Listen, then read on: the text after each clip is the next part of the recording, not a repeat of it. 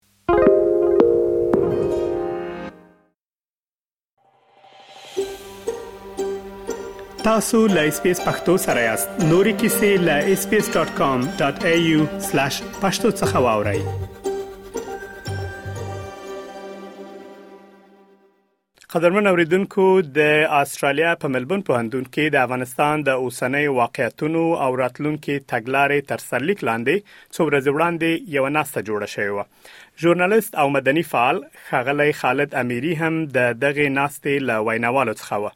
دا چې په یاد ناسته کې کوم کسانو ګډون کړی و د دغه ناستې اصلي موخه څه و د همدغه موضوع په اړه غواړم له ژورنالیست او مدني فعال ښاغلي خالد اميري سره مرکه ولرم ښاغلی اميري صاحب ډېره زياته مننه چې اس پي اس پښتو راډيو ته مو د مرکې لپاره وخت راکړ. ډېره زياته مننه تاسو نه سلامونه تاسو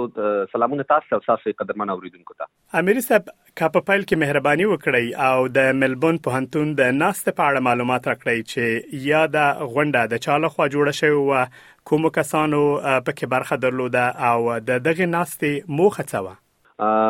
ډیره مننه مجیب منیب صاحب دغه غونډه د ملبورن پونتون د ارګنایزیشن ملبورن پوسټ ګریجویټ انټرنیشنل ریلیشنز ارګنایزیشن یا ایم پی آی آر او لخوا جوړه شوې و د دې غونډې جوړولو اصل هدف دا و چې په ملبورن پونتون کې چې زه خپل حالت یو د یو لږ زده کړیالانو څخه یم چې ماستری کوم په نړیوالو اړیکو کې نو زما پروفیسورانو او استادانو به همیشه له ما څخه غوښتنه کوله چې زه د اول سمستر یا د بیچلرز کوم محصلین چې دي دوی ته د افغانستان په اړه باندې وغږیږم چون دوی ویل چې ما سره هغه اول لاس معلومات شته او سره هغه ټول هر څه را تیر شوی مچ چال ته وشو څنګه نړیوالو افغانستان پرې خو د بل خصوص چې بیا په میدان هوایی کې څو شول نو ماته به ډیره تعجب باور و چې بس سم مملکت طالبانو ته وسپارل شو الته یو ګروپ حاکم شو خو نړیوال اوس هم په دې خبره فوکس کوي چې وات هپن ات د ایرپورټ یا په هوایي ډګر کې څه وشو په دغه وغږېږه نو نو ما ته به خندا راتله نو بیا ما وکولی شو چې خپل پروفیسوران په دې خبره باندې زه قانع کوم او ورته ویم چې و راځي موږ دغه د د د سنف د لیکچر نه راوځو او یو پینل ډیسکشن په افغانستان جوړ کړو چیرې چې موږ داسې شخصیات ولرو چې هغه د دې مسلې کې دخیل وو او کلیدي کردار لوبول او زمانه او د نور نه ډیر زیات پوهه په دې اړه لري نو نو لنی کمرغه په دې خبره موږ وتوانېدلو چې پونتون کا ملبر پونتون رضایت خو د لو ترڅو د افغانستان په اوسنی وضعیت او راتلونکي تګلارې تر سرلیک لاندې موږ یو پینل ډیسکشن په ملبن یونیورسيټي کې جوړ کړو خه خبره دغه وا چې دغه پینل ګډونوال هغه څوک چې دوی د افغانستان په موضوع کې اېکسپرټیز یا یا ډېره زیاته تجربه درلودله یو له هغو څخه ښاغلی معصوم څانکزی صاحب و چې هغه د امنیت ملي مشر د د سولې د مرکچي پلاوي غړی و دوی خپل هغه ټول نظریات د ملبن پونتون د محصلینو او نور هغه استرالیایي ژورنالیستانو مدني فعالانو چې په دغه غونډه کې برخه اخیستې وه هغو سره شریک کړل د دې پینل ډسکشن تر ټولو بهترین او او او د جالبه صحنه هغه وه چې کله موږ د اډینس یا د راغلو ململو څخه سوالونه ترلاسه کول چې هغه کې ډېری استرالیایي محصلینو چې هغه د افغانستان په اړه باندې پوښتنې کولې او د ویناوالو نظریات واوریدل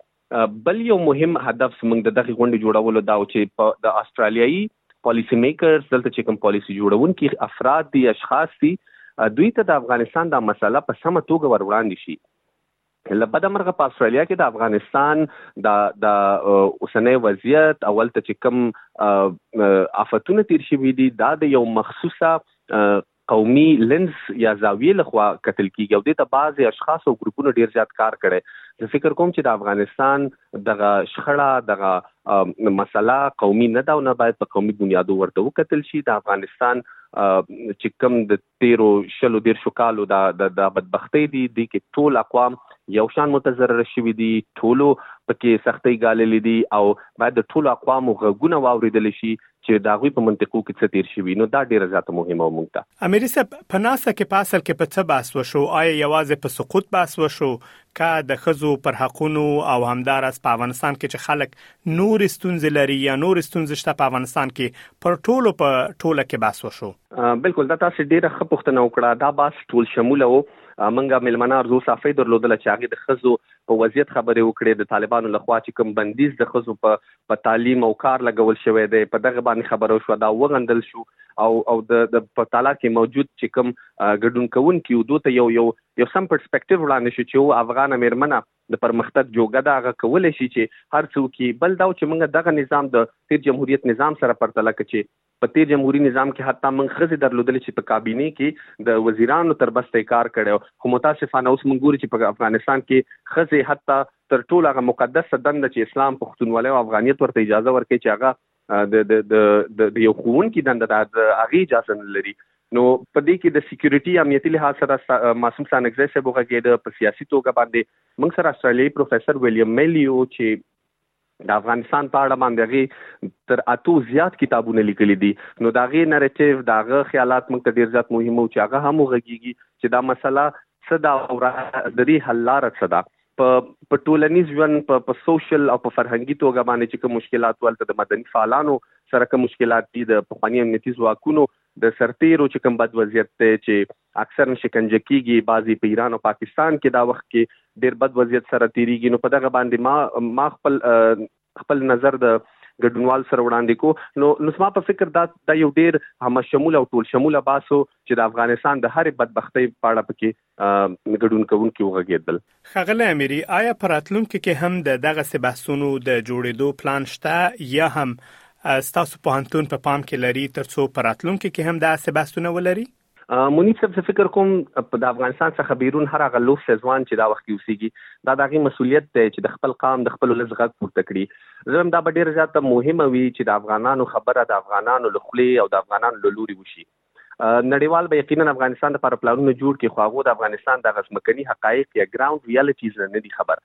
ډیر زیات اړینه ده چې دغه خلک کله خپل پالیسیګانې جوړي د افغانانو نظریات پکې شامل کړي بل ما بیا په دې خبره زه ټینګار کوم چې په استرالیا کې دا ډیره مهمه ده چې د افغانستان موضوع ته د استرالیا پالیسی میکرز دا دولت د افغانستان له زاویې نه وګوري او دلته چې کوم نور قومونه پراته دي دغه ټولو په حق لمانه یو یو یو څېړنه مطالعه وشي د دغه غونډې جوړېدو وروسته زما چې کوم استادان او پروفیسورانو هغه ډیر زیات خوشاله او ډیر مثبت فیډبک ورته راغلی او دوی فکر کوي چې بلې او د سې غونډې باید ډېرې زیاتې وشي، دا اوس مهال د اسټرالیا د نورو سټېټونو څخه پوهنتونونو د دې هیله څرګنده کړې چې هغوی هم غواړي چې ورته بحثونه په خپل پوهنتونونو کې وکړي چېرته چې داسې اشخاص راوبلل شي چې هغوی د افغانستان په اړه باندې د اسټرالیا محصلینو او ځوانانو ته یو حقیقي انځور د دې مملکت وړاندې کړي. ښاغلی امیري زما وروستۍ پوښتنه دا ده چې تاسو ژورنالیست یاستئ، مدني فعال هم یئ او په دغه ناسته کې تاسو برخه درلودله، ستاسو په اند د دغسې ناستو جوړېدل له افغانستان څخه بهر لکه په اسټرالیا کې یا هم د نړۍ په نورو هېوادونو کې څه ګټې کېدای شي ولري، کومې ځانګړې ګټې کېدای شي له دغسې بحثونو څخه ترلاسه کړو؟ یو خو دا دی چې افغانستان دا کومه بدبختي چې روانه ده ډیر عوامل خارجي دي او ډیر لږې داخلي دي دي کې د افغانانو ونډه او کردار دومره نه څومره چې نړیوالو خپل کردار ولوبو اوس هم اړینه دغه ده چې نړیوالو ته د افغانستان دا غمیزه په صحیح توګه باندې وړاندې شي ورته دی ویل شي چې وو په افغانستان کې کوم مشکلات روان دي ولس سره نتیریږي د دې حل لار څه ده بل د افغانستان د دغه اوسنی وضعیت او دا د څومره سفرینګز او بدبختۍ چې هلته روانې دي موږ ټول په دې ټینګار وکړو چې جګړه یا نظامی مداخله هیڅ وخت حل لار نشي کېدلی الته باید هر شی چې کیږي د افغانانو په خوخه د افغانانو له خوا وشي ګوره دا د پخوانی څومره رژیمونو ته چې موږ وګورو حکومتونو ته وګورو انا کامه په دې شو چې هغه د افغانستان د د ولسی او ځمکني حقایقو سره سره هغه یواله نه درلودلو او دا د نړیوالو او خارجانو لخوا افغانستان ته راوړل شوی پروجیکټ سو پروژې چې هغه په خاور باندې امپلیمنټ شوی نو زه فکر کوم چې دغه سي دستوري او دغه سي ناس ته به ډیره زیاته مرسته وکړي ترڅو موږ د نړیوالو افغانستان په اړه باندې تغییر کو او دوی پوه شي چې هغه تګلاره چې دوی د افغانستان په مقابل کې جوړي منهز د مملکت او د فارن پالیسی په توګه باندې یا بهرني سیاست لپاره نو دغه سي د افغانانو غږونه باید پکې شامل شي ترڅو د دواړو مملکتونو په خیر دا خبره تمام شي ژورنالیست او مدني فعال خالد امیری له تاسو نه ډیره زیاته مننه ښه وخت ولرئ کور ودان ډیره مننه منیب صاحب